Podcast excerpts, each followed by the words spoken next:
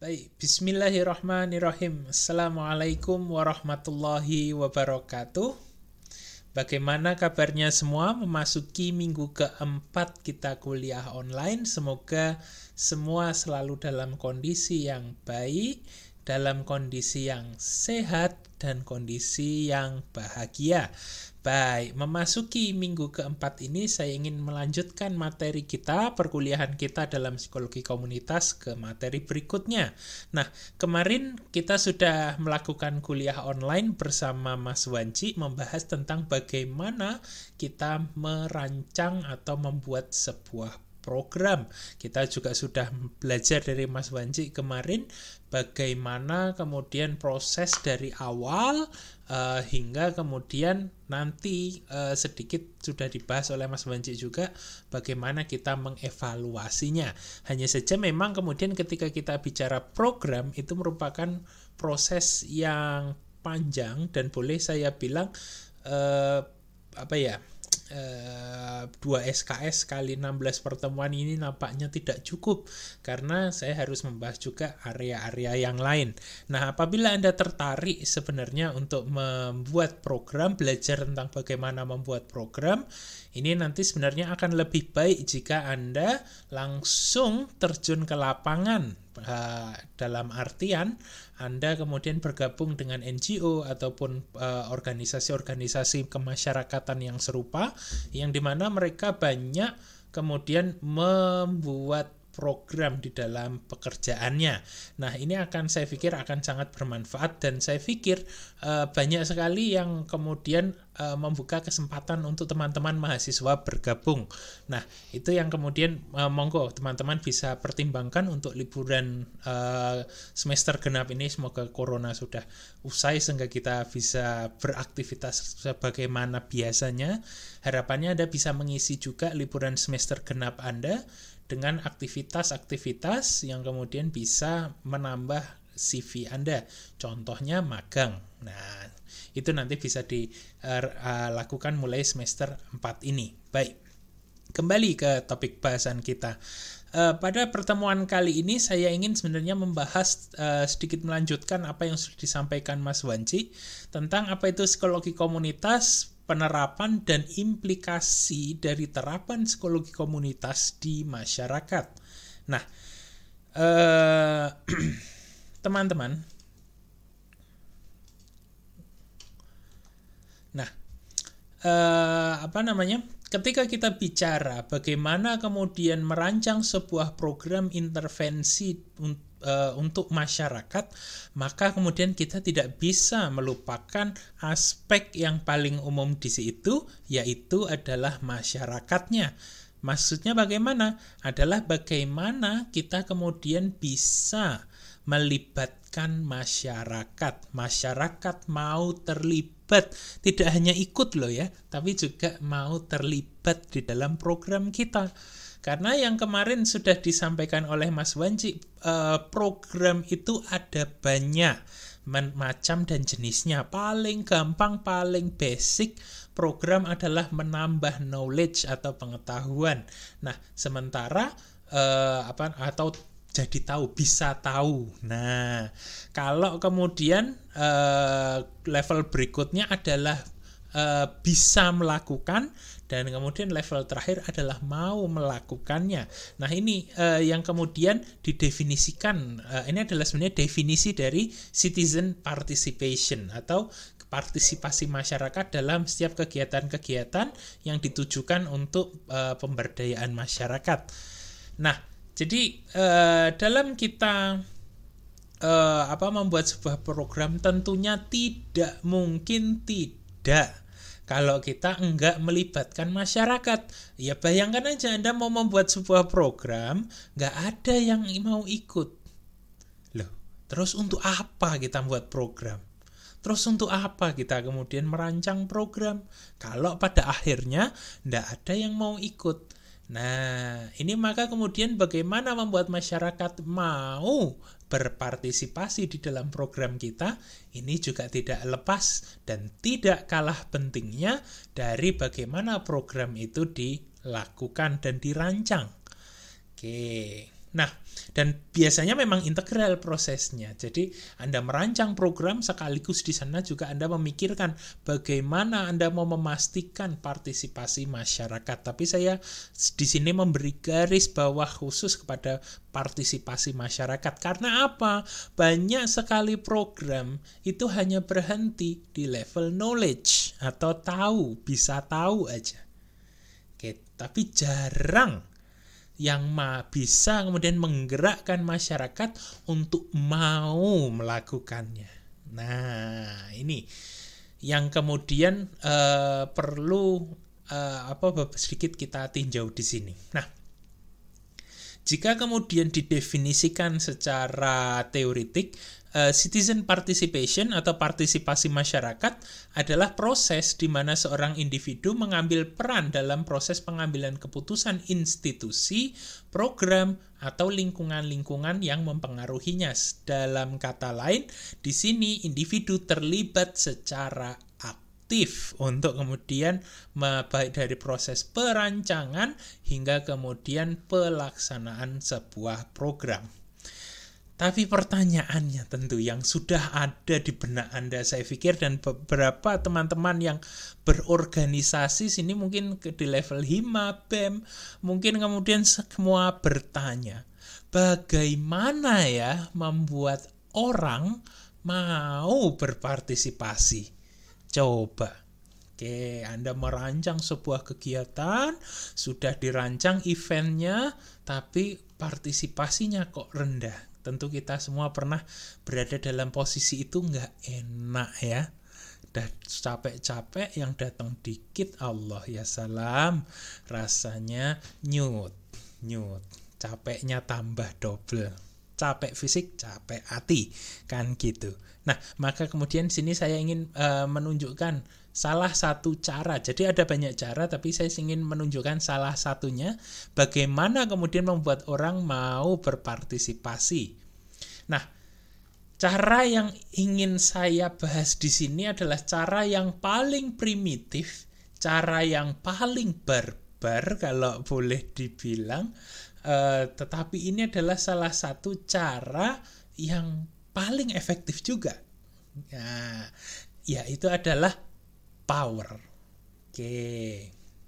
Nah, jadi eh, teman-teman, uh, power di sini bukan kemudian kemudian kita tafsirkan sebagai kekuatan fisik saja di mana kita mengancam kepada orang yang uh, apa tidak mau berpartisipasi dengan program kita ayo kalau nggak mau ikut program saya gelut wayo kan gitu kalau itu namanya power fisik, tetapi power di sini tidak terbatas hanya kepada power fisik saja. Itu salah satu jenis power, tapi power itu ada banyak sekali jenisnya. Nah, kalau dikategorisasikan, power itu ada tiga sebenarnya, tiga jenis. Yang pertama adalah power over, dua adalah power to, dan yang ketiga adalah power from. Nah, kok kotaknya kurang satu ya? Karena ketika digabungkan satu, dua, tiga, ini nanti menjadi jenis power yang keempat atau yang tersembunyi yaitu disebut dengan integrative power. Ini adalah tidak lain dan tidak bukan isinya adalah ketiga power sebelumnya. Nah, Coba kita lihat definisinya satu persatu, power over to dan from. Nah, power over adalah sebuah kekuatan yang digunakan untuk memaksa atau mendominasi orang lain. Nah, eh, apa namanya dalam eh, dalam definisi ini kekuatan fisik itu sebenarnya uh, kita sering sekali menerjemahkan kekuatan fisik itu sebagai power over. Bagaimana memaksa atau mendominasi orang lain dengan uh, superioritas fisik kita. Hanya saja tentunya ketika kita kemudian menggunakan power ini secara tidak bijak tentu ini akan menjadi masalah ketidakadilan. Tetapi jika jika digunakan dengan benar ini dapat berguna juga bagi kemaslahatan uh, apa masyarakat. Nah, sayangnya power over ini adalah zero sum game. Artinya apa ya namanya? Uh, zero sum itu adalah orang kalau uh, bertanding masing-masing kalah. Pada dasarnya power over ini adalah masing-masing kalah. Orang kalau diberi kekuatan dia akan memaksa orang lain, itu kan kemudian orang lain menjadi kalah, tapi ketika dia dihilangkan kekuatannya, dia yang kalah. Jadi sebenarnya nggak ada pemenang di situ. Nah, jadi uh, apa namanya power dalam bentuk kekuatan untuk memaksa ini sebenarnya power yang semu. Karena apa? Begitu power uh, sumber powernya ini dihilangkan, ya sudah uh, selesailah permainan, selesailah kemudian uh, apa namanya kekuasaan atau kekuatan orang itu. Nah, ini adalah power over. Ini adalah jenis bentuk power yang paling basic paling mendasar tetapi juga paling kasar sayangnya. Nah, berikutnya adalah uh, power to. Jadi kalau ini adalah power over, ini adalah power over others. Uh, jadi bagaimana uh, uh, apa namanya kuasa atas orang lain? Kalau power to adalah bagaimana kemampuan seorang individu atau kelompok untuk mengembangkan kemampuan dan kapasitas individual anggota kelompok tersebut. Nah, dia melibatkan self determination artinya apa? Power to ini pada dasarnya adalah kekuat kalau diterjemahkan secara literal kan kekuatan untuk. Oke. Jadi power over tadi menekankan kepada personal power, kekuatan personal, kekuatan kelompok yang bersifat raw power, eh, kekuatan mentah. Kalau power to di sini sudah ada di mana ada keterlibatan eh, kemauan atau free will dari orang yang kemudian terlibat masing-masing pihak yang terlibat di dalam eh, apa exchange power tersebut. Nah, eh, apa namanya?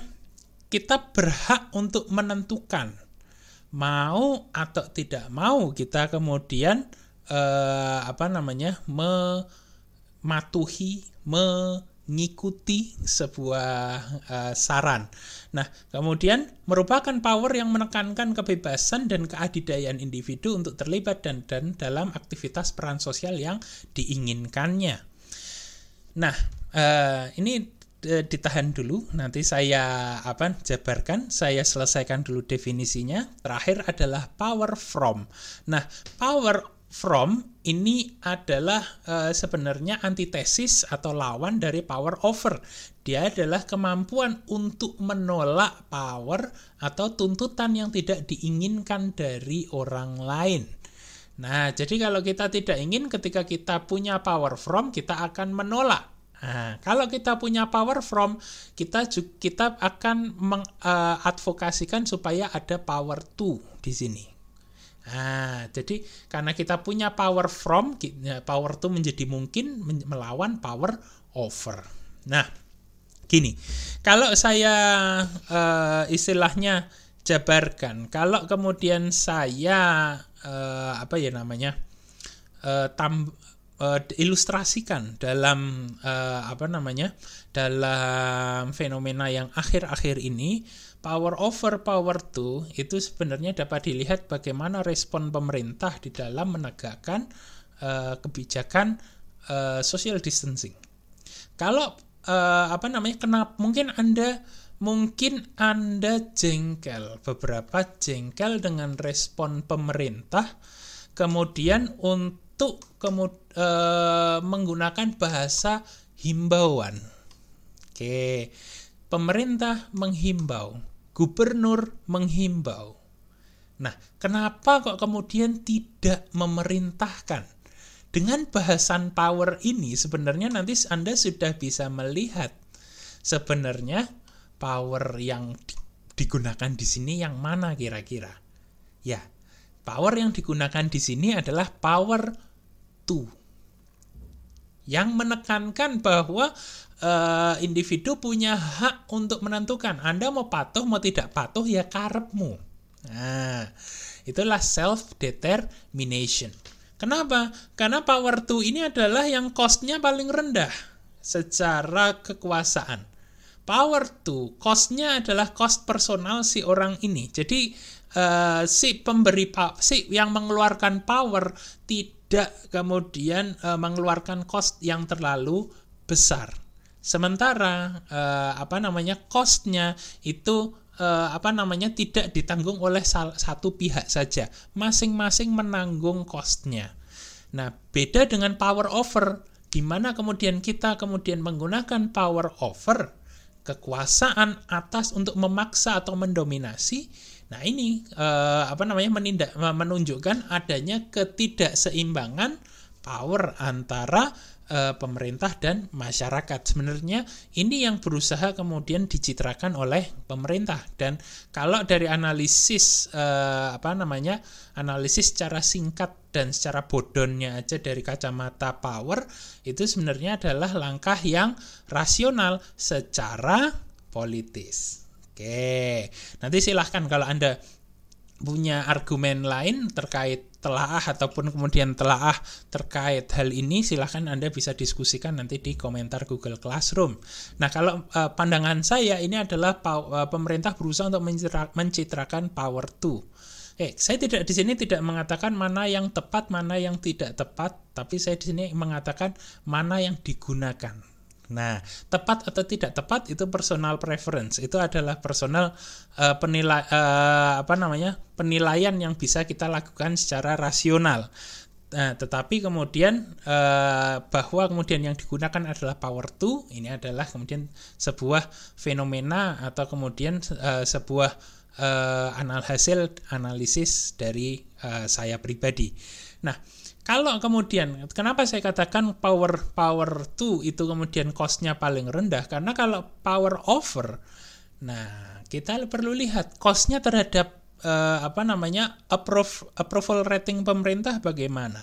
Di mata gampangnya gini approval rating bagaimana persepsi masyarakat atas pemerintah kalau pemerintah menggerakkan militer mengena, menggerakkan kepolisian untuk menegakkan uh, social dis physical distancing ditutup, polisi keliling alias menerapkan jam malam. Kita sudah melihat bagaimana kemudian India kita lihat, uh, saya ingin ambil contoh, mungkin Anda perlu sedikit membuka berita juga, uh, bagaimana India menerapkan lockdown dengan menggunakan power over. Yang terjadi di sana chaos. Karena apa? Kapital powernya pemerintah tidak cukup untuk kemudian mengontrol uh, apa namanya India itu sekitar satu miliaran orang ya satu negara itu sekitar satu miliaran orang uh, ini kemudian uh, mau dikontrol ya susah power overnya nggak cukup yang terjadi apa? Pada akhirnya kekerasan terhadap ke, kekerasan polisi, kekerasan militer terhadap masyarakat menjadi uh, naik. Kemudian juga banyak juga masyarakat yang melawan juga. Uh, mereka yang kemudian bekerja di Delhi di ibu kotanya kemudian berbalik secara berbondong-bondong ke daerah asalnya jalan kaki bayangin. Nah, ini kan sebuah hal yang kemudian menunjukkan bahwa kemudian e, masyarakat melawan dari power over pemerintah tadi. Karena apa ya? Rasional saja di Delhi hidup mahal, mending hidup di desa kemudian eh, apa namanya dengan di rumahnya sendiri tanpa eh, apa namanya mengeluarkan biaya yang terlalu banyak untuk kemudian hidup sehari-hari. Kalau mereka di Delhi di ibu kota kan kemudian juga eh, ada biaya hidup ada kemudian eh, apa namanya biaya rumah atau kos itu kan luar biasa mahalnya. Bayangkan aja kayak hidup di Jakarta itu kenapa kemudian terjadi eksodus besar-besaran.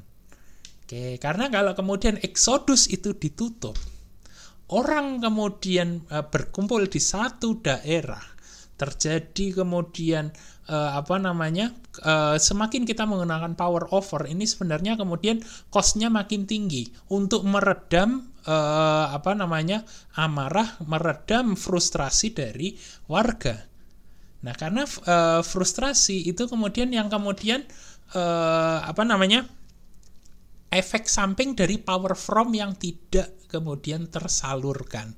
Nah, frustrasi ini kemudian nanti jika memuncak, nah ini nanti yang kemudian uh, apa namanya perlu ada antisipasi langkah-langkah antisipasi yang lain yang mungkin boleh dikatakan mungkin opresif dan lain sebagainya. Nah, inilah yang saya bilang tadi costnya tinggi. Nah, power over itu costnya tinggi, efektif, efektif sekali untuk menjaga eh, apa namanya? Menjaga supaya masyarakat tidak keluar-keluar, tidak ter, eh, apa namanya benar-benar menerapkan physical distancing, tapi costnya besar. Power to costnya rendah, tidak ada cost eh, yang terlalu kentara. Costnya mungkin nanti jangka panjang di mana eh, apa namanya penyebaran COVID merata eh, apa namanya atau bukan mungkin bukan bukan merata ya tetapi kemudian penyebaran COVID steady terus peningkatannya. Eh, apa namanya eh, tetapi secara secara jangka pendek ini tidak ada kemudian eh, dampak yang terlalu kentara. Tetapi di levelnya masyarakat masyarakat bisa pulang pemerintah tidak diprotes. Nah ini kan power makanya kemudian bentuknya adalah himbauan. Oke. Karena eh, apa power over ini kuncinya satu, trust atau kepercayaan.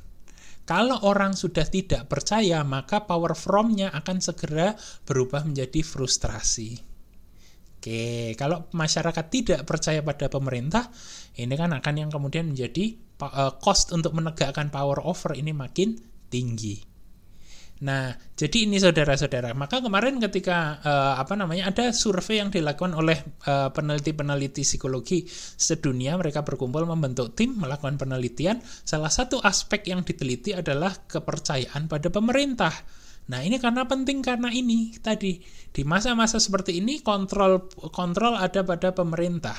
Maka kemudian ketika pemerintah kemudian memberikan sebuah himbauan di situ sebenarnya pemerintah ingin memaksa agar masyarakat e, mematuhi itu.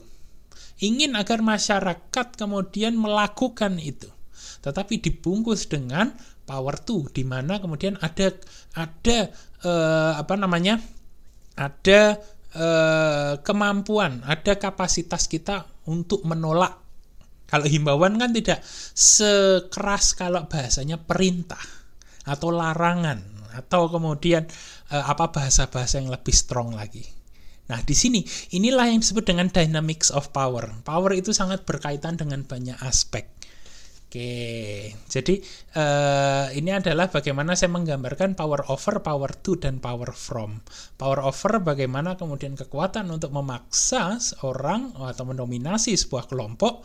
Power to itu adalah untuk kemudian uh, apa namanya? Di sana adalah menekankan kepada kebebasan oh masing-masing individu untuk bergerak, untuk memilih Sementara power from adalah kemampuan untuk maaf, kemampuan untuk menolak power atas dirinya, untuk menolak tuntutan yang diterap yang dijatuhkan uh, orang lain kepada uh, dirinya. Oke, jadi ini adalah definisi ketiga jenis power. Nah, Tadi saya menyebut ada jenis power yang keempat, yaitu integrative power. Nah, integrative power ini adalah bentuk paling ideal dari power secara teoritik yaitu adalah bagaimana kapasitas untuk bekerja sama, membangun kelompok dan menumbuhkan loyalitas. Jadi ini adalah integrasi dari from, to, dan over. Jadi tidak hanya didominasi oleh salah satu, tetapi ketiga-tiganya eh, apa namanya berjalan secara bersamaan. Nah, selama kemudian power integratif power ini terjadi, maka kemudian uh, power uh, integratif ini bersifat infinite, tidak terbatas. Karena apa?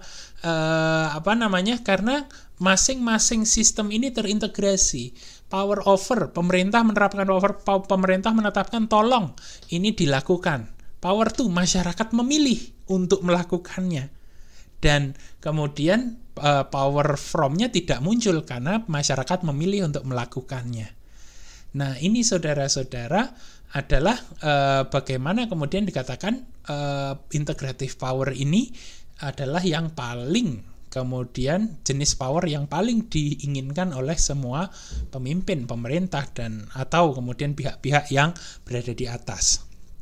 Nah, karena apa? Karena sifatnya infinite uh, akan terus berpengaruh selama kemudian ada koneksi antar anggota baik di level individu, mikro hingga makro sistemnya. Nah, kalau kemudian uh, Anda pernah mendengar istilah people power dulu mungkin ingat-ingat uh, apa namanya zaman-zaman pilpres people power.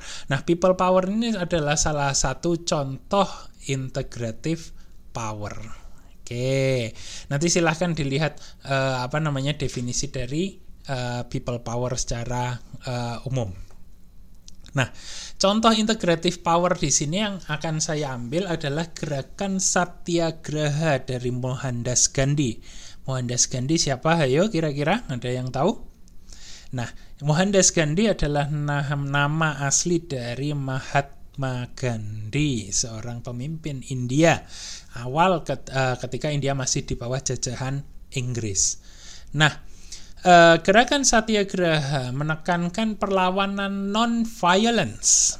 Uh, perlawanan tapi non-violence, perlawanan tanpa kekerasan. Nah, bagaimana itu? Padahal frustra rakyat India itu udah frustasi banget sama jajahan Inggris Nah, kemudian mereka me menciptakan pro, uh, apa namanya gerakan satyagraha di mana mereka melawan tapi kemudian tanpa kita juga memberikan kekerasan. Sana boleh silahkan uh, melakukan kekerasan tapi saya tidak akan melawan.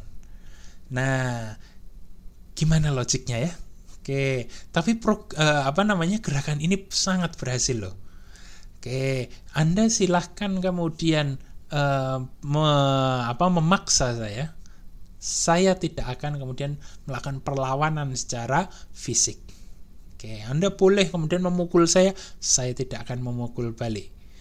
Mohandas Gandhi, Mahatma Gandhi menggerakkan rakyat India untuk mengikuti pro, eh, apa namanya? mengikuti gerakan satyagraha ini. Seorang leader punya power over dia mencoba mengexercise powernya masyarakatnya mengikuti. Nah, tanpa ada kemudian bentuk-bentuk uh, perlawanan atau frustrasi atau power from uh, apa namanya dari masyarakatnya. Ini adalah contoh bagaimana uh, ketika baik pemimpin dan rakyatnya itu kemudian bekerja secara uh, bersama-sama tersinkron. Jadi kemudian uh, apa sebuah gerakan ini menjadi gerakan yang mengawali kemerdekaan India di sana. Oke, inilah integrative power. Hanya saja memang untuk menggunakan integrative power ini kuncinya satu, trust atau kepercayaan kepada pemerintah. Oke. Ini yang kemudian uh, trust to institution itu juga penting. Trust pada pemerintah, trust pada institusi pemerintah itu juga penting. Tetapi yang terjadi di masyarakat kita sekarang, kita bisa lihat sendiri, trust. Anda juga mungkin bisa tanya kepada diri Anda, kalau saya tanya, seberapa percaya Anda? Saya berminta Anda menilai dari 1 sampai 5, seberapa percaya Anda dengan pemerintah? Seberapa percaya Anda dengan lembaga pemerintah? Nah, Oke, mungkin kemudian ada yang uh, apa namanya saya pernah melakukan survei hasilnya di antara dua atau tiga. Artinya apa?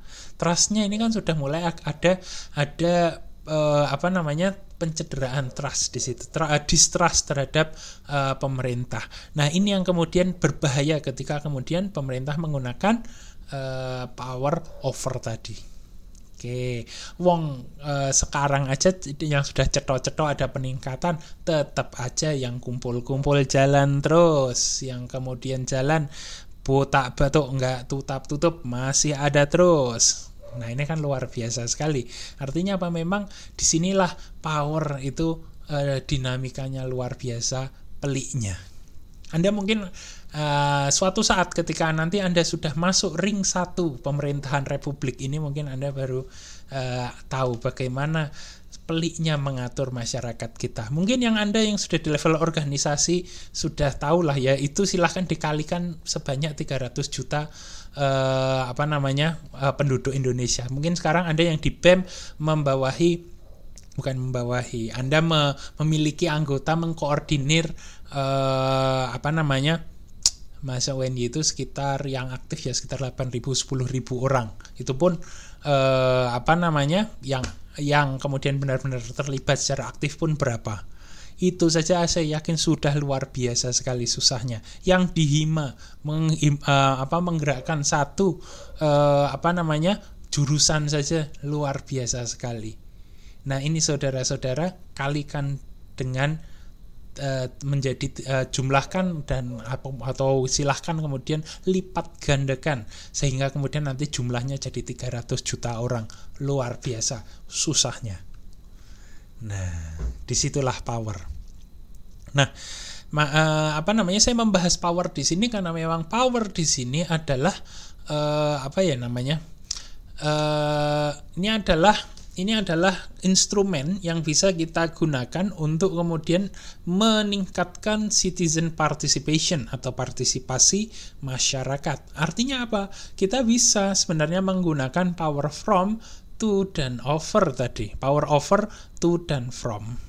Nah, memanfaatkan dinamika antara ketiganya untuk memastikan program kita berjalan dengan lancar. Oke, nah saya lanjutkan dulu. Nah, uh, ada beberapa instrumen yang biasanya digunakan untuk kemudian menjadi bargaining chip atau kemudian jadi titik tawar menawar uh, dalam uh, menegakkan atau melakukan social power. Yang pertama adalah kontrol atas sumber daya. Yang pertama ini yang paling pertama dan utama adalah sumber daya kalau pemerintah menguasai sumber daya, maka kemudian itu bisa dijadikan bahan tawar-menawar. Ayo manut sama saya, nanti kalau nggak manut kamu nggak dapat bagian beras. Kan luar biasa. Powernya kontrol atas sumber daya. Masyarakat nggak punya pilihan kalau nggak punya pilihan kecuali untuk patuh. Karena kalau nggak patuh, uh, basic banget, makan nggak bisa dia. Oke, jadi kontrol atas sumber daya ini adalah dari zaman batu sampai sekarang kontrol atas sumber daya ini adalah instrumen sosial power yang paling paling sering digunakan, paling sering diperebutkan dan sering sekali menjadi alasan perang. Oke. Nah, tidak lain dan tidak bukan karena orang berebut at kontrol atas sumber daya. Oke, karena ya memang begitulah. Saya ilustrasikan dengan makanan saja. Padahal sumber daya yang bisa uh, dengan dunia yang semakin uh, modern, kita akan semakin sangat tergantung dengan sumber daya. Bayangkan kalau kemudian uh, listrik kemudian mati dari jam 8 uh, dari jam 6 7 malam sampai jam 7 pagi. Wah luar biasa tuh stresnya Anda nggarap tugas gimana, mau tidur nggak ada kipas angin nggak jenak. Nah ini saudara-saudara, di hidup kita di era modern sekarang, eh, kontrol atas sumber daya ini sadar atau tidak itu sebenarnya semakin besar peng, apa, pengaruhnya. Semakin besar pengaruh kontrol atas sumber daya atas uh, kepatuhan kita. Oke, nah Uh, dua, Social instrumen social power berikutnya adalah kontrol uh, terhadap channel atau outlet-outlet untuk berpartisipasi dalam pengambilan keputusan. Nah, power di sini uh, selain kemudian uh, apa social power di sini dapat didapatkan satu dari kontrol sumber daya dan dua mengontrol channel untuk kemudian berpartisipasi dalam pengambilan keputusan. Nah, uh, kalau kemudian di dalam memahami ini saya paling enak menggambarkannya eh, dinamika pemerintah dengan DPR. Oke, kenapa kemudian eh, di kenapa kemudian pemerintah itu menginginkan agar parlemen itu juga berasal dari partai atau kelompok yang sama dari uh, eksekutifnya. Eksekutif kan pemerintah, uh, legislatif DPR. Nah, kenapa kemudian uh, apa namanya partai itu menginginkan kalau bisa eksekutifnya dapat, legislatifnya dapat. Kenapa? Karena dengan begitu pengambilan keputusan itu bisa berjalan dengan mulus. Oke, uh, eksekutif me, apa, memberikan usulan, legislatif uh, apa namanya karena berasal dari berasal dari satu kelompok yang sama, ini akan mudah sekali kemudian lolosnya. Nah, begitupun kalau kemudian uh, apa namanya legislatif kemudian punya masukan kepada pemerintah, ini resistensinya pemerintah juga tidak terlalu tinggi. Nah ini di mana pun, negara mana pun itu sama. Jadi kontrol atas channel output untuk pengambilan keputusan itu adalah instrumen social power yang kedua. Mungkin tidak di level hmm, apa ya namanya? Mungkin tidak di level uh, ya tidak di level masyarakat secara individu atau secara individu atau kemudian secara keluarga itu mungkin uh, dampaknya tidak terlalu besar atau ilustrasinya mungkin tidak tidak terlalu uh, apa ya namanya mengenal lah. Itu kenapa saya ambil uh, apa namanya instrumen social power yang kedua ini contohnya dari pemerintah dan DPR tadi. Oke kalau mau dicontohkan lagi hmm, ya sebenarnya kalau di organisasi mahasiswa ada tetapi saya tidak mau membicarakan itu sekarang. Uh, apa namanya itu pembicaraan kantin saja. Oke Nah, kalau kemudian eh, apa namanya? Kalau kemudian di level keluarga eh, apa namanya? Nah, eh, outlet-outlet untuk pengambilan keputusan misalnya nih eh, orang oh biasa pernah nggak kemudian orang tua Anda kemudian eh, menawarkan kepada Anda waktu kecil dulu. Mau makan di mana? Oke Mau makan di mana? McD atau KFC? Kan? Kemudian sudah eh, sadar nggak Anda bahwa kemudian Anda diberi pilihan, tapi pilihannya ini sudah ditentukan. Anda milih akan dalam koridor yang ini. Oke, kalau kemudian uh, ini mau makan ayam di mana? Anda sudah membayangkan KFC, McD, kemudian makan ayam di mana? Burung, uh, Mas Kubis. Nah, Nah ini kan kemudian uh, bayangan Anda kan menjadi terbatas sekali. Duh pengen KFC tapi kok yang ditawarin cuma dua. Nah ini adalah apa yang disebut dengan kontrol atau channel uh, kontrol terhadap channel atau output-output untuk partisipasi dalam pengambilan keputusan. Itu kalau yang saya ambil di level individu. Tetapi kalau untuk yang berdampak secara komunitas, ya tadi saya ambil adalah contohnya pemerintah dan legislatif atau DPR. nah, Uh, yang ketiga, instrumen social power yang ketiga setelah tadi kontrol sumber daya, kontrol terhadap channel, yang ketiga adalah pembuatan atau pendefinisian isu publik atau konflik. Sadarkah Anda bagaimana kita mendefinisikan sebuah hal itu akan membentuk cara pikir, akan membentuk bagaimana kemudian orang membahas tentang fenomena tersebut? Nah, saya selah dulu minum. Nah, eh, awal-awal dulu kita ingat uh, Menteri Terawan. Ya, ya, awal-awal isu COVID dulu, uh, Corona dulu. Menteri Terawan mengatakan uh, yang namanya coronavirus itu uh, kurang lebih kayak flu Oke. Nah, kayak flu itu kemudian itu adalah sebenarnya adalah pendefinisian loh saudara-saudara. Dia yang mengatakan pertama, dialah yang mendefinisikan. Oke, mungkin Anda kalau eh, apa namanya pernah berpartisipasi dalam debat. Nah, ini adalah eh, first speaker atau pembicara pertama yang memberikan definisi atas sebuah isu itu adalah posisi yang uh, kalau boleh saya bilang posisi yang paling powerful karena dia akan menyetir ke mana perdebatan itu akan berjalan. Nah, jadi ini saudara-saudara. Di sini uh, apa namanya pendefinisian is, pendefinisian sebuah isu itu menjadi penting. Ketika Terawan, um, uh, ketika Pak Terawan di sana mendefinisikan uh, apa namanya corona uh, tidak tidak uh, apa tidak terlalu berbeda kayak flu, masyarakat kan kemudian menjadi oh flu masuk angin atau kemudian uh, apa namanya ya paling batuk-batuk meler, tetapi kemudian yang terjadi di situ apa? masyarakat kemudian oh ini bukan sesuatu yang serius karena flu kita kemudian mengalaminya setiap saat uh, apa namanya ya enam bulan sekali lah setiap ganti musim. Nah ini saudara-saudara penting dan uh, apa namanya penting dan uh, fatalnya pendefinisian yang salah. Pendefinisian yang benar itu sangat penting, pendefinisian yang salah itu bisa fatal. Nah, ini adalah instrumen sosial power juga. Mendef, kenapa orang itu berlomba-lomba untuk menjelaskan, mendefinisikan sebuah fenomena?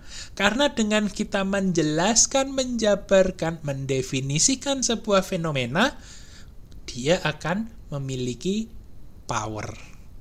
Nah, inilah saudara-saudara bagaimana kemudian social power itu uh, di uh, sumber-sumber atau instrumen-instrumen uh, social power uh, itu berasal.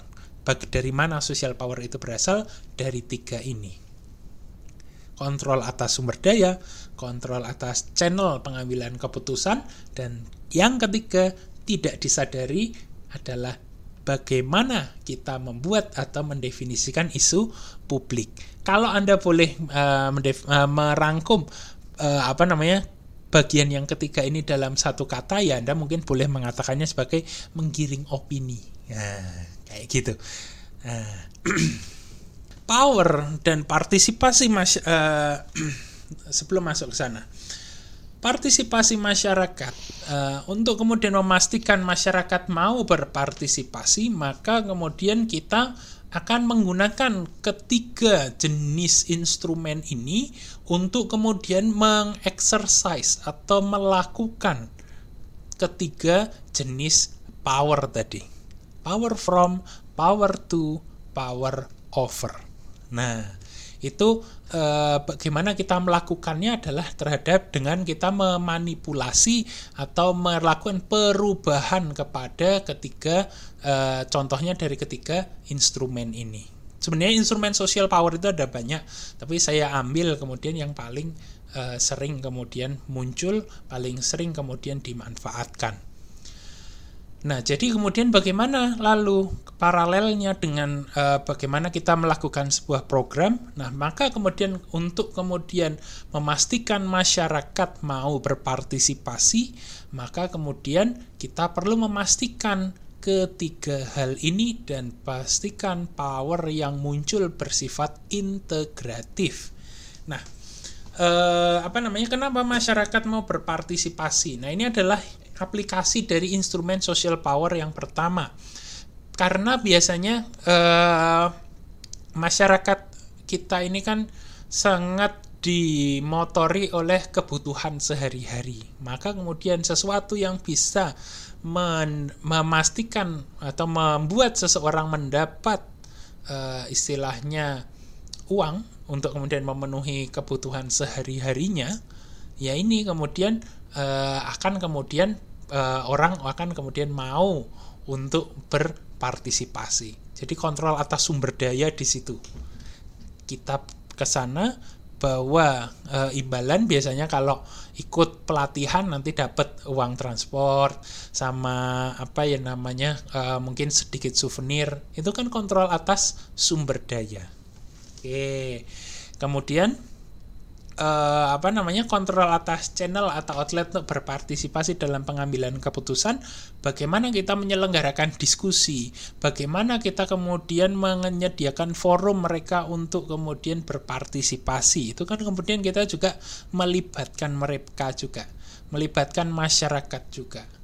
Nah ketiga, kemudian bagaimana kita membuat isu atau publik ya ketika defin, uh, ketika diskusi kita mendefinisikan dulu ini loh yang akan kita diskusikan, ini loh isu yang uh, akan kita angkat. Nah, di situ adalah uh, instrumen yang ketiga. Nah, untuk kemudian memastikan uh, apa namanya bagaimana kemudian uh, apa program ini tetap berjalan, kita juga bisa sebenarnya memanfaatkan power over juga. Kita memegang orang-orang yang mem uh, yang memiliki power di masyarakat, orang-orang yang memiliki kuasa di masyarakat, seperti layaknya mungkin kepala suku, kepala desa, kiai, uh, atau kemudian pemuka agama, tokoh masyarakat. Nah, ini kan yang kemudian bisa di apa istilahnya dimanfaatkan untuk menjadi kepanjangan tangan pen, uh, apa namanya kepanjangan tangan dari organisasi untuk kemudian memastikan agar masyarakat mau bergerak. Tetapi untuk kita membuat mereka bergerak, ya tidak lain dan tidak bukan, ya kita harus memakai tiga hal ini juga lagi. Jadi sebenarnya muter aja prosesnya. Oke, jadi gampangannya ketika kita gampangannya gini kalau kemudian Anda mau membuat sebuah program pegang dulu orang kunci di sana. Pegang dulu orang kuncinya. Yakinkan bahwa kemudian uh, ini adalah program yang baik Anda bisa mendapatkan sesuatu dari program ini. Ajak dia libatkan dia untuk ngomong. Jangan hanya atas bawah aja. Kita punya program gini-gini loh Pak tapi libatkan dia. Ada input nggak Bapak? Ada input atau masukan nggak? Nah, di situ. Anda kemudian libatkan dia untuk pengambilan keputusan. Setelah itu kemudian kita uh, di awal tentunya kita juga sudah memberikan uh, men menceritakan program kita ini sebenarnya ngapain apa yang akan kita lakukan atau membuat definisi tadi. Oke. Nah, jadi itu sebenarnya bagaimana kemudian kita melakukan e, mempraktekkan sebuah e, apa namanya e, teori tentang power untuk kemudian dipraktekkan di lapangan. Oke, aplikasinya akan sangat tergantung dari masing-masing situasi lapangan, tetapi apa namanya garis besarnya kurang lebih semacam itu. Nah, e, pertanyaan berikutnya, kenapa kita harus melakukan perubahan sosial? Kenapa ya kira-kira? Kenapa kita harus bersusah-susah mengeluarkan uh, modal power, mengeluarkan upaya untuk mengexercise power tadi? Karena kita ingin membuat perubahan sosial. Kok penting kenapa sih? Kenapa sih kita harus melakukan perubahan sosial? Oke. Nah, setelah kita uh, jawab mengapa coba Anda renungkan. Kenapa sih Anda ingin melakukan sebuah perubahan? Mungkin di dalam benak Anda. Mungkin di dalam jawaban Anda ada terselip di situ kata-kata yang karena masyarakat belum sejahtera, karena kemudian masih ada kekurangan di sana sini yang harus diatasi Nah, dan lain sebagainya. Nah, itu adalah alasan yang legit, alasan yang baik untuk kemudian kita memulai sebuah perubahan sosial. Nah, pertanyaannya adalah bagaimana kita melakukan perubahan sosial? Nah, ada beberapa cara untuk kita melakukan perubahan sosial. Karena pertanyaannya bagaimana, mereka jawabannya cara. Yang pertama adalah kita melakukan apa yang disebut dengan community organizing atau mengorganisasikan, mengorganize sebuah komunitas. Nah, ini bisa kemudian dalam bentuk program-program seperti koalisi komunitas, raising awareness atau meningkatkan kesadaran publik, kemudian aksi sosial, pengembangan komunitas, dan lain sebagainya hingga penggunaan teknologi. Maksudnya apa? Kalau yang uh, koalisi, raising awareness, aksi sosial, pengembangan komunitas, konsultasi organisasi, saya pikir sudah jelas. Penggunaan teknologi di sini sebenarnya adalah uh, bagaimana kita membuat media sosial itu sebagai media yang mempengaruhi cara kita berpikir, mempengaruhi menjadi media perubahan. Maka kemudian kalau Anda pernah mendengar kata influencer, nah itu tadi itu adalah sebenarnya aplikasi uh, perubahan sosial dengan menggunakan penggunaan teknologi. Oke, hanya saja konotasi influencer di Indonesia buruk ya. Oke. Nah, Perubahan sosial berikutnya dapat dilakukan melalui apa yang disebut dengan education. Nah, dalam perspektif sosiologis, ed, uh, education atau pendidikan itu adalah sarana mobilitas sosial yang paling cepat, yang paling kemudian uh, bisa diakses oleh semua orang. Nearly, hampir semua bisa mengakses yang yang istilahnya yang paling aksesibel lah mungkin nggak semua orang tapi paling aksesibel bagi masyarakat itu adalah pendidikan. Nah hanya saja pendidikan di sini perlu dipahami bahwa pendidikan itu tidak hanya terbatas pada pendidikan formal saja dari SD sampai uh, universitas. Nah terhadap jenis pendidikan yang non formal juga. Nah yaitu bentuk-bentuknya seperti macam pelatihan dan lain sebagainya. nah yang ketiga, cara untuk kemudian melakukan perubahan sosial adalah dengan kita melakukan e, membuat sebuah policy atau kebijakan. Nah, kebijakan pemerintah membuat kebijakan itu sebenarnya ada dua dua pendekatan.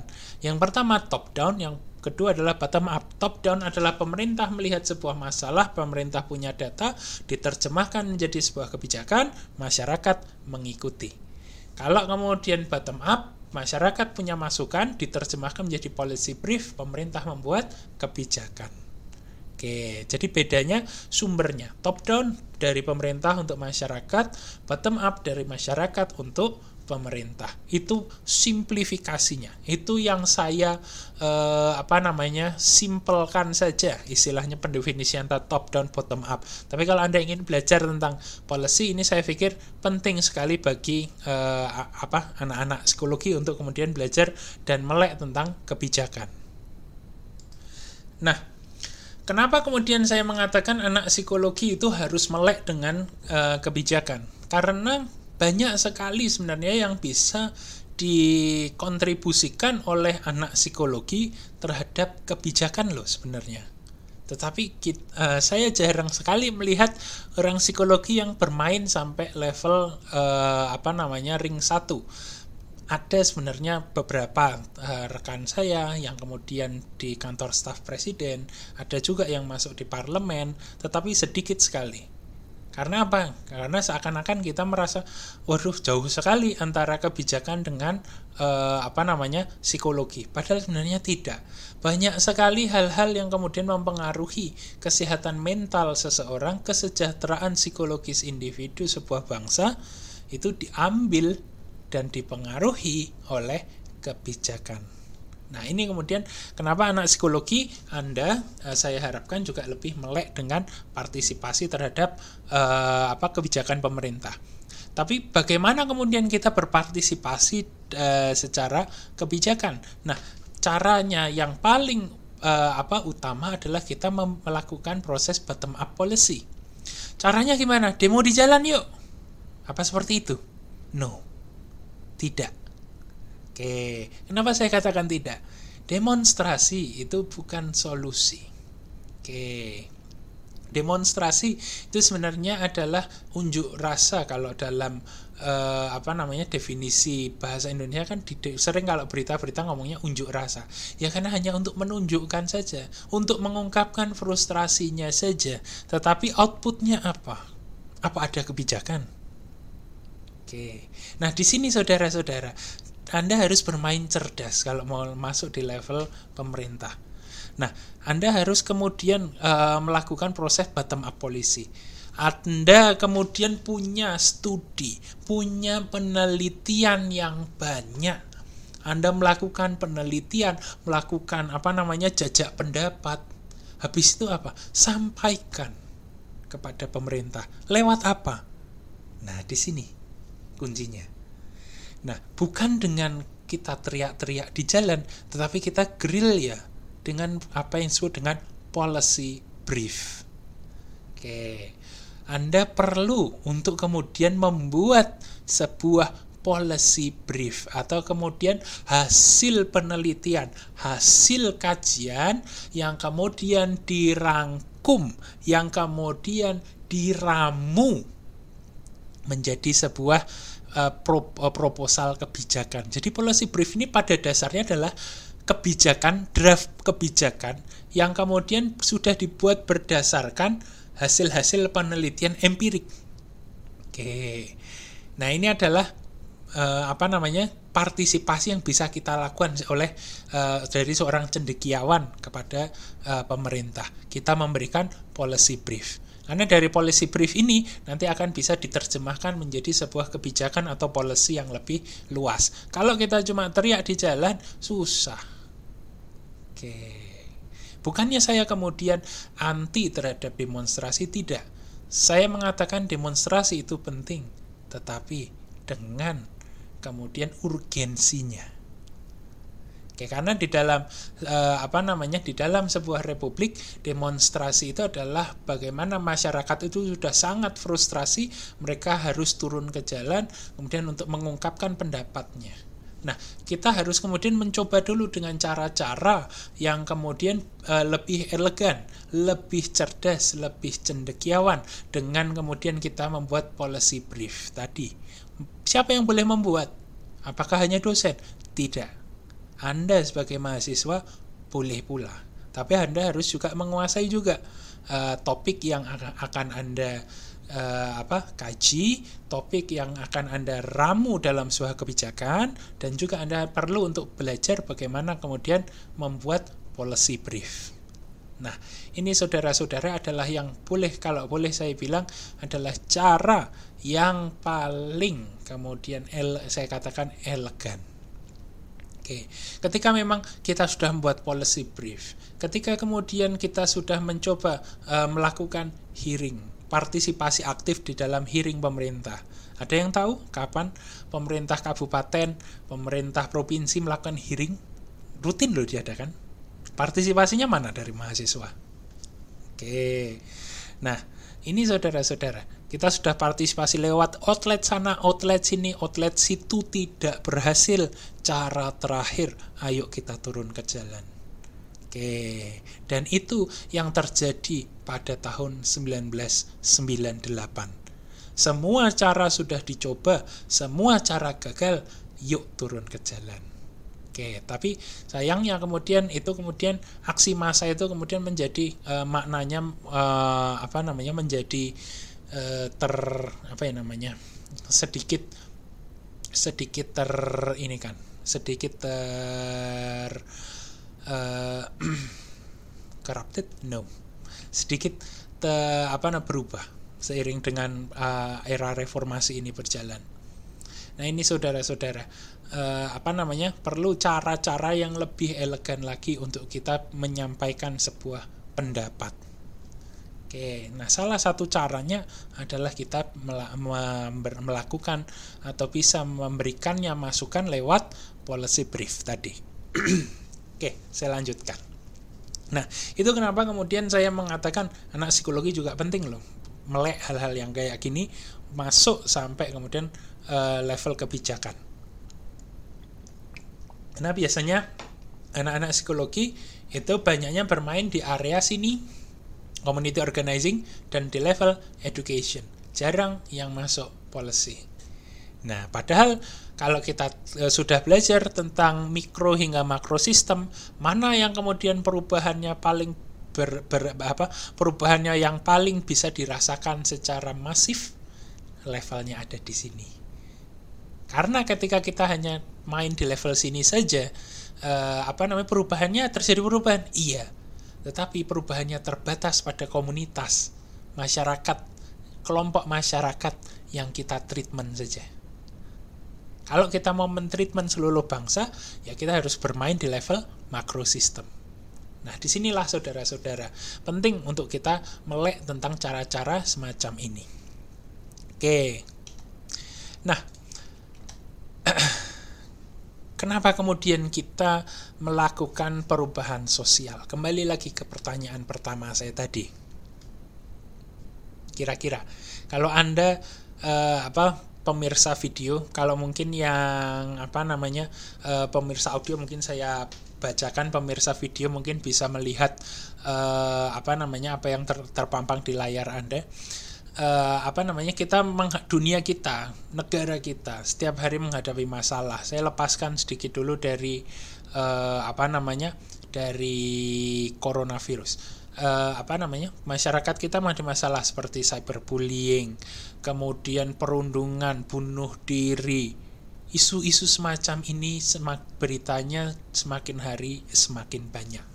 Nah ini saudara-saudara, bukankah ini kemudian menunjukkan bahwa kemudian kesejahteraan masyarakat kita itu kemudian menjadi menurun atau terjadi uh, apa namanya istilahnya ada permasalahan berkaitan dengan cyberbullying, kemudian self harm, suicide atau bunuh diri di masyarakat kita. Baik di Indonesia maupun di dunia. Karena ini isunya tidak hanya di Indonesia saja. Nah, ini saudara-saudara, ini adalah kenapa kita harus melakukan perubahan. Oke, karena hal-hal headline-headline semacam ini mungkin kita membacanya hanya sebuah headline, but there's life behind that. There's someone behind that headline. Ada orang, ada kehidupan yang terpengaruh di balik headline tersebut. Headline tersebut kan menggambarkan kehidupan orang lain. Dan ada orang loh itu. Artinya ada orang yang bunuh diri karena dibully. Ada orang yang melakukan self harm karena dibully. Ini kan jadi permasalahan. Nah, jadi itu. Tolong kemudian ketika kita melihat berita, kita juga kita perlu menyadari bahwa ada orang di situ. Kalau saya bawa lagi ke uh, apa aspek coronavirus, Anda lihat berita, lihat uh, angkanya, oh cuma 2000 dibandingkan negara lain uh, itu ada 10.000, ada 15.000. Bayangkan, itu orang loh. Bukan tempe, orang loh itu. Nah, ini saudara-saudara, kita perlu menyadari itu. Ada orang di balik uh, apa permasalahan atau kemalangan. Itulah kenapa kita perlu kemudian melakukan perubahan sosial. Lebih lanjut lagi, hoax, buzzer, sara, kemudian macam-macam sekali dinamika yang ada sekarang. Itu kan kemudian sebuah sesuatu yang mungkin anak kita sudah capek terutama di ko, apa di tengah virus corona kini hoax luar biasa sekali beredarnya dan apa namanya kita mungkin sudah jengkel capek nah maka ketika anda sudah jengkel anda sudah capek do something lakukan perubahan nah kalau kemudian kita apa namanya level perubahan yang paling basic kemarin yang sudah diceritakan Mas Wanji adalah level psikoedukasi. Nah, edukasi psikoedukasi adalah sebenarnya uh, proses kita melakukan edukasi kepada individu atau klien terkait dengan kondisi yang dialami atau eh, fakta-fakta terkait yang relevan dengan permasalahan yang dihadapi. Pada dasarnya edukasi adalah bagaimana kita mengedukasi, mendidik klien tentang uh, kondisi atau sebuah fenomena psikologis yang sedang dia alami. Nah, contoh mungkin psikoedukasi Anda sudah melakukan, beberapa dari Anda sudah uh, melakukan uh, apa namanya bagaimana kita menghadapi uh, menjaga kesehatan mental kita selama era pandemi Covid ini Nah, itu yang saya jadikan tugas UTS. Itu sebenarnya adalah uh, apa namanya? Saya ingin Anda melakukan mencoba untuk kemudian melakukan berpartisipasi aktif dalam edukasi masyarakat, psikoedukasi masyarakat tentang uh, bagaimana kiat-kiat kita menghadapi uh, pandemi ini. Nah, uh, psikoedukasi ini memang nanti terbatas temanya hanya pada topik-topik psikologis saja. Ya, hence the name psikoedukasi Nah, karena dia akan mengedukasi masyarakat terkait dengan topik-topik psikologis. Nah, banyak sekali loh sebenarnya masyarakat eh, apa namanya mengalami fenomena psikologis tapi mereka tidak tahu apa ini, kenapa bisa seperti ini. Contohnya eh, apa namanya?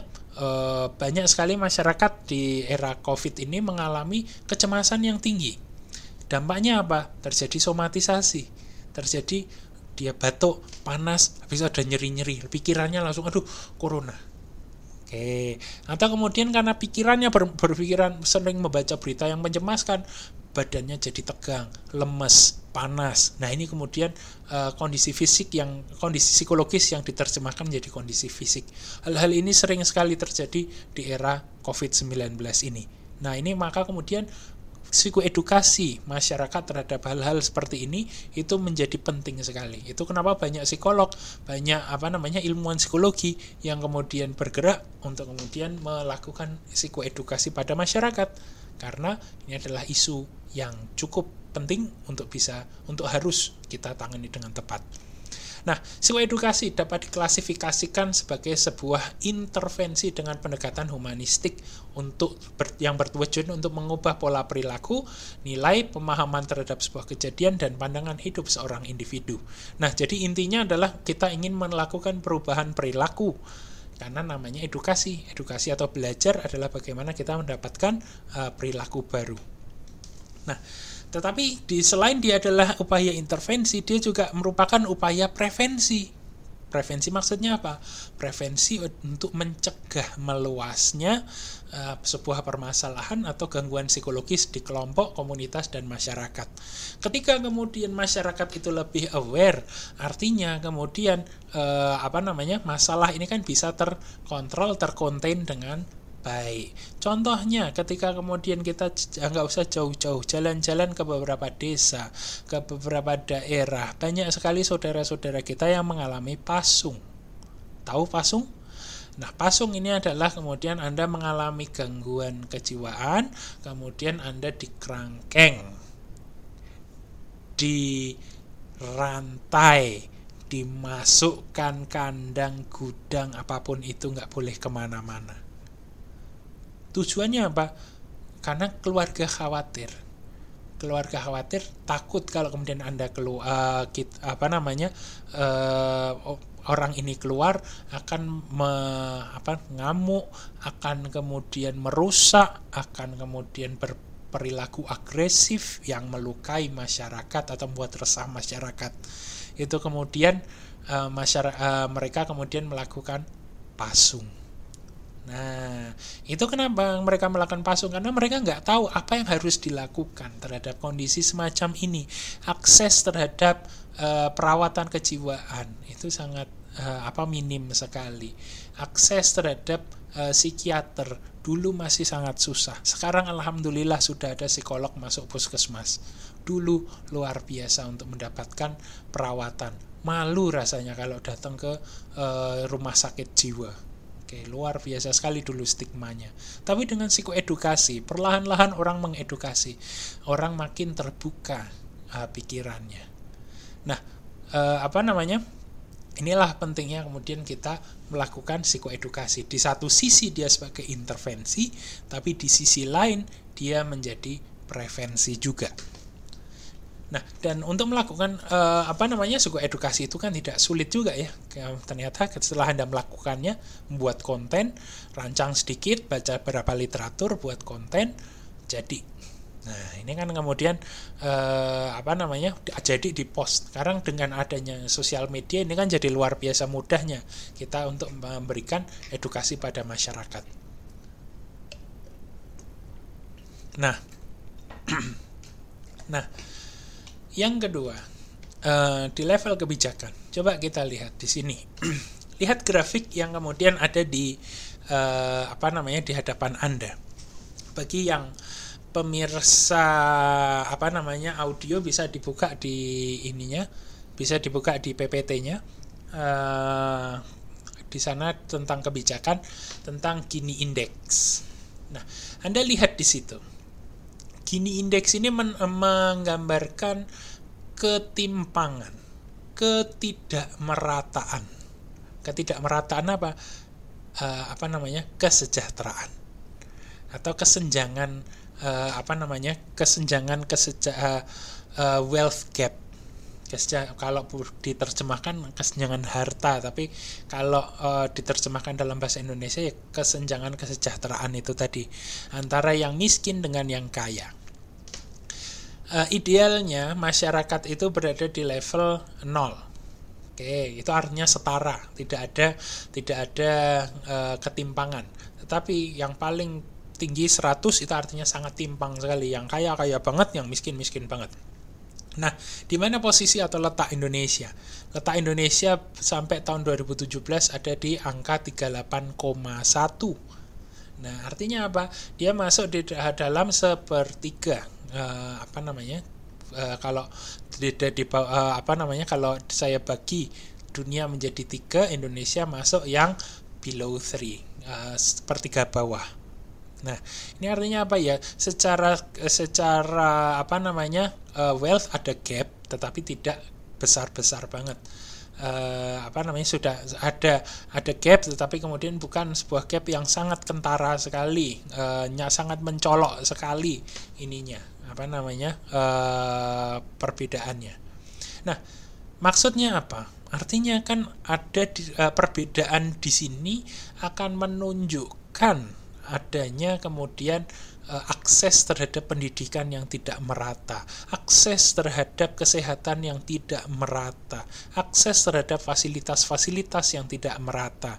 Artinya apa? Di sini akan sangat tergantung dengan upaya citizen participation tadi, dari upaya masyarakat dari masyarakat untuk masyarakat oleh masyarakat untuk bisa kemudian memotong ke kesenjangan ini menjadi untuk menurunkan kesenjangan ini menjadi level yang lebih baik. Jika kita bandingkan dibandingkan negara-negara lain seperti Norwegia misalnya, ini wealth gap-nya akan sangat kentara sekali. Indonesia gap-nya sangat kentara, sementara Norwegia rata-rata uh, ini berada di bawah. Nah, ini saudara-saudara, ini adalah kenapa kemudian uh, saya menunjukkan indeks gini ini karena ini adalah salah satu indikator yang sangat penting dalam kita membuat sebuah kebijakan. Uh, apa namanya? Ketika kita berbicara di level makro sistem, maka kita tidak lagi berbicara uh, or, seorang sebagai seorang individu. Kita tidak bisa membicarakan misalnya saya uh, apa namanya? Ada orang uh, misalnya Anda memperjuangkan uh, apa namanya? Hak-hak uh, seseorang. Misalnya uh, apa ya namanya?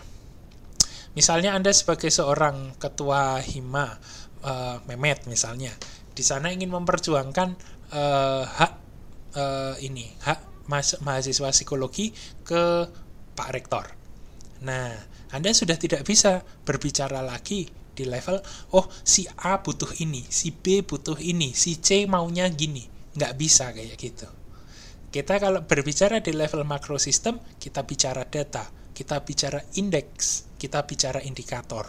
Nah, maka kemudian ini saya bawa di sini untuk kemudian Anda tahu posisi kita uh, salah satu indikator yang sering dipakai di sini adalah apa? Salah satunya adalah gini.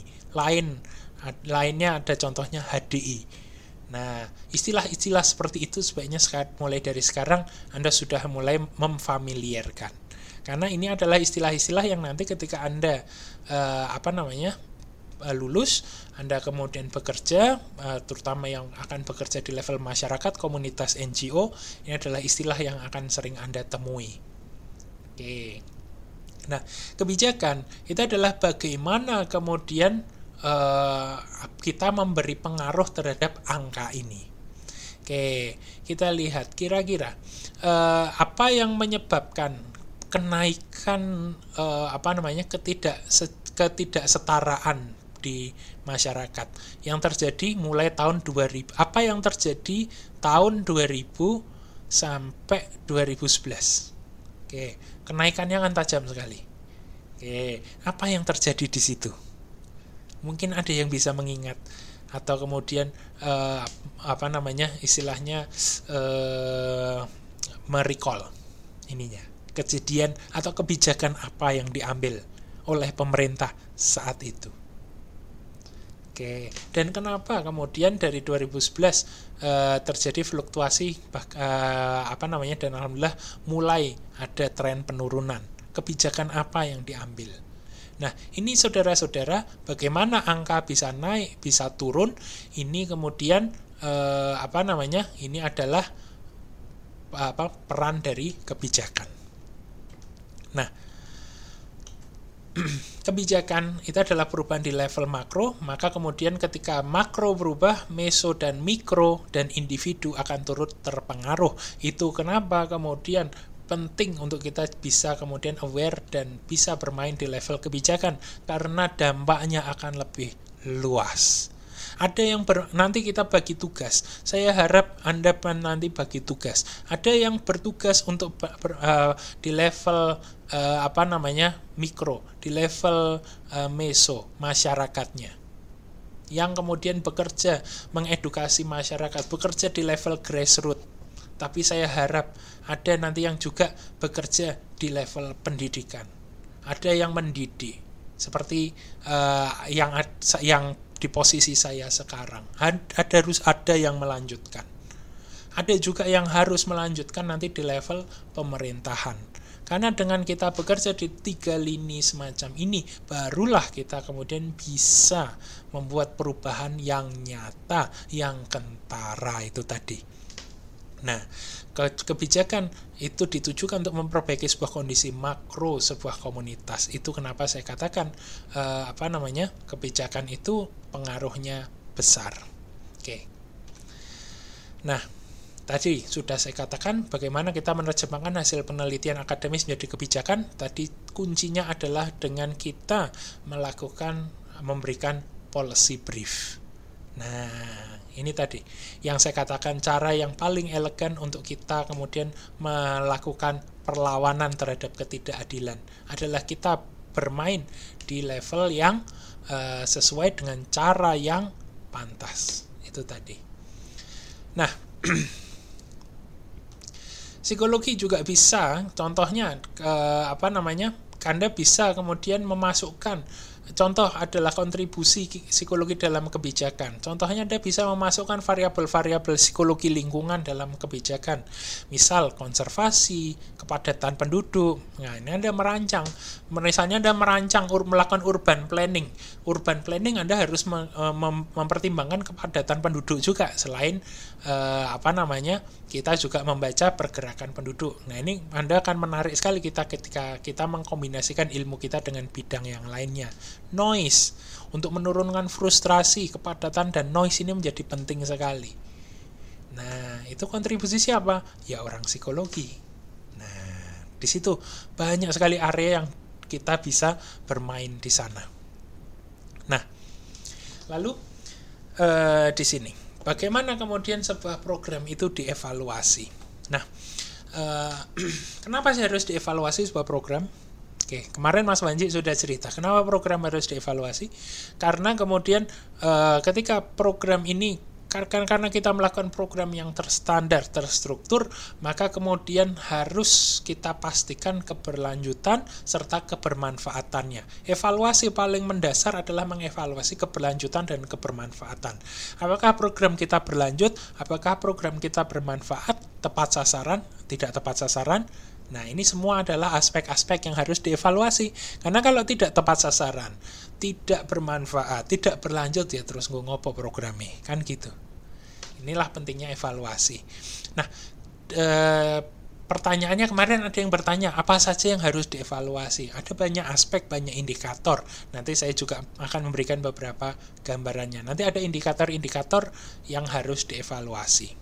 Nah, ini adalah e, apa namanya bagaimana kita melakukan evaluasi sebuah program. Uh, saya di sini menyebutnya empat tahap dalam evaluasi. Yang pertama adalah identifikasi tujuan dan tujuan yang diinginkan.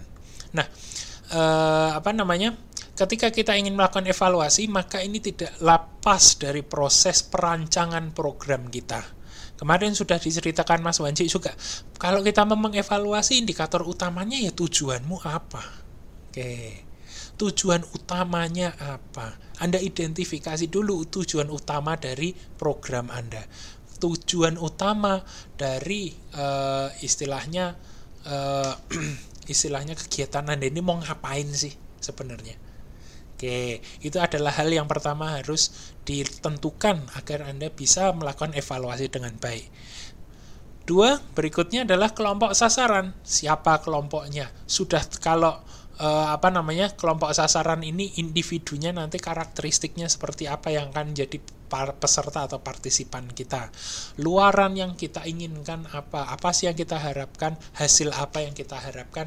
Itu harus diidentifikasi dan dirancang dulu di awal. Oke. Nah, dua uh, baru kemudian kita melakukan tahap kedua dalam evaluasi yaitu evaluasi proses. Proses di sini adalah bagaimana kita kemudian me, setelah kita menentukan identifikasi tujuan uh, tujuan-tujuan yang diinginkan, uh, berikutnya adalah kita evaluasi proses atau implementasi aktivitas yang kita lakukan. Nah, ini yang kemudian uh, kita secara umum melihat mengevaluasi prosesnya, programnya bagaimana lancar atau tidak. Apa yang kemudian membuat lancar? Apa yang kemudian menghambat uh, berjalannya program? Apakah materi kemudian bisa dipahami? Apakah materi kemudian ditangkap oleh peserta? Nah, ini semua adalah uh, tahap di dalam evaluasi proses.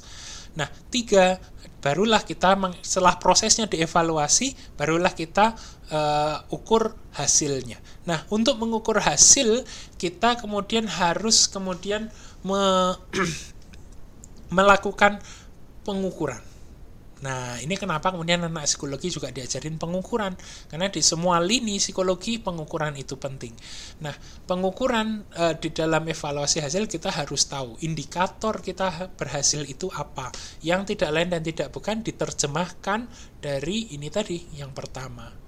Nah, Anda tentukan yang pertama sekaligus Anda menentukan e, measuresnya. Bagaimana cara mengukurnya instrumennya apa. Kalau Anda ingat kuliah eksperimen, ya kayak UTOS. UTOS. Nah, kita sudah menentukan uh, sebuah tujuan treat, uh, tujuan uh, apa namanya penelitian, kita berikan treatment, setelah itu kita ukur treatmentnya. Ini variabel treatment pengukuran, kan gitu tuh. Kalau saya apa konekkan dengan eksperimen, uh, ini adalah treat uh, apa namanya variabel treatment dan uh, apa namanya pengukurannya pakai apa instrumennya apa. Oke. Nah dan terakhir itu adalah evaluasi dampak dari program kita. Impact nah ini adalah impact itu baik di level uh, outcome dan impact itu beda ya outcome itu adalah uh, luaran dari program nah kalau ini eh hasil itu adalah hasil dari program. Kalau dampak itu kira-kira apa pengaruh yang dibawa oleh program ini terhadap eh, apa namanya masyarakat. Misal eh, hasil itu kita hasil saya ingin kemudian masyarakat menjadi paham tentang kecemasan. Saya melakukan psikoedukasi tentang kecemasan outcome-nya saya harapkan masyarakat setelah ikut program saya, ikut edukasi saya, masyarakat jadi tahu apa itu kecemasan. Dampaknya yang saya harapkan adalah masyarakat kemudian menjadi uh, apa ya namanya uh, bisa mengidentifikasi uh, apa simptom-simptom kecemasan sehingga kemudian uh, tahu kapan harus ke psikolog, tak kapan kemudian kita harus melakukan treatment mandiri dulu atau PFA dulu. Nah, ini kan kemudian e, adalah beda hasil dan dampak. Dampak itu pada levelnya lebih besar, mencakup banyak aspek, perilaku, pikiran dan e, kognitif, efektif dan konasi. Nah, kemudian kalau hasil itu hanya di level programnya saja.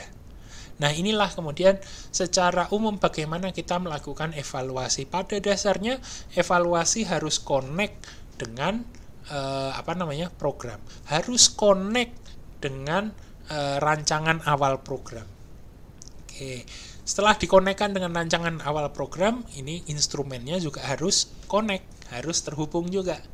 Nah, inilah saudara-saudara uh, bagaimana kita merancang evaluasi. Tetapi uh, apa namanya saya untuk kuliah minggu depan uh, saya akan menceritakan tentang bagaimana kita merancang sebuah program. Kemarin saya harapkan Mas Banci bisa cerita tentang apa namanya log frame. Tetapi log frame belum terbahas koneksi sudah terputus apa boleh buat? Nah untuk itu minggu depan saya akan bahas bagaimana kita me, apa, melakukan mengimplementasikan merancang dan mengimplementasikan program berikut nanti saya berikan contoh bagaimana kemudian kita mengevaluasi program tersebut. Nah, uh, mungkin itu saja yang oh kok semester ngawur. Oke, okay, uh, eh, mungkin itu saja yang bisa kita uh, saya sampaikan. Um, untuk pertemuan kali ini kita bertemu lagi dalam pertemuan minggu depan. Stay safe stay healthy and stay happy. Semua semoga ada selalu dalam lindungannya. Billahi taufik wal hidayah. Wassalamualaikum warahmatullahi wabarakatuh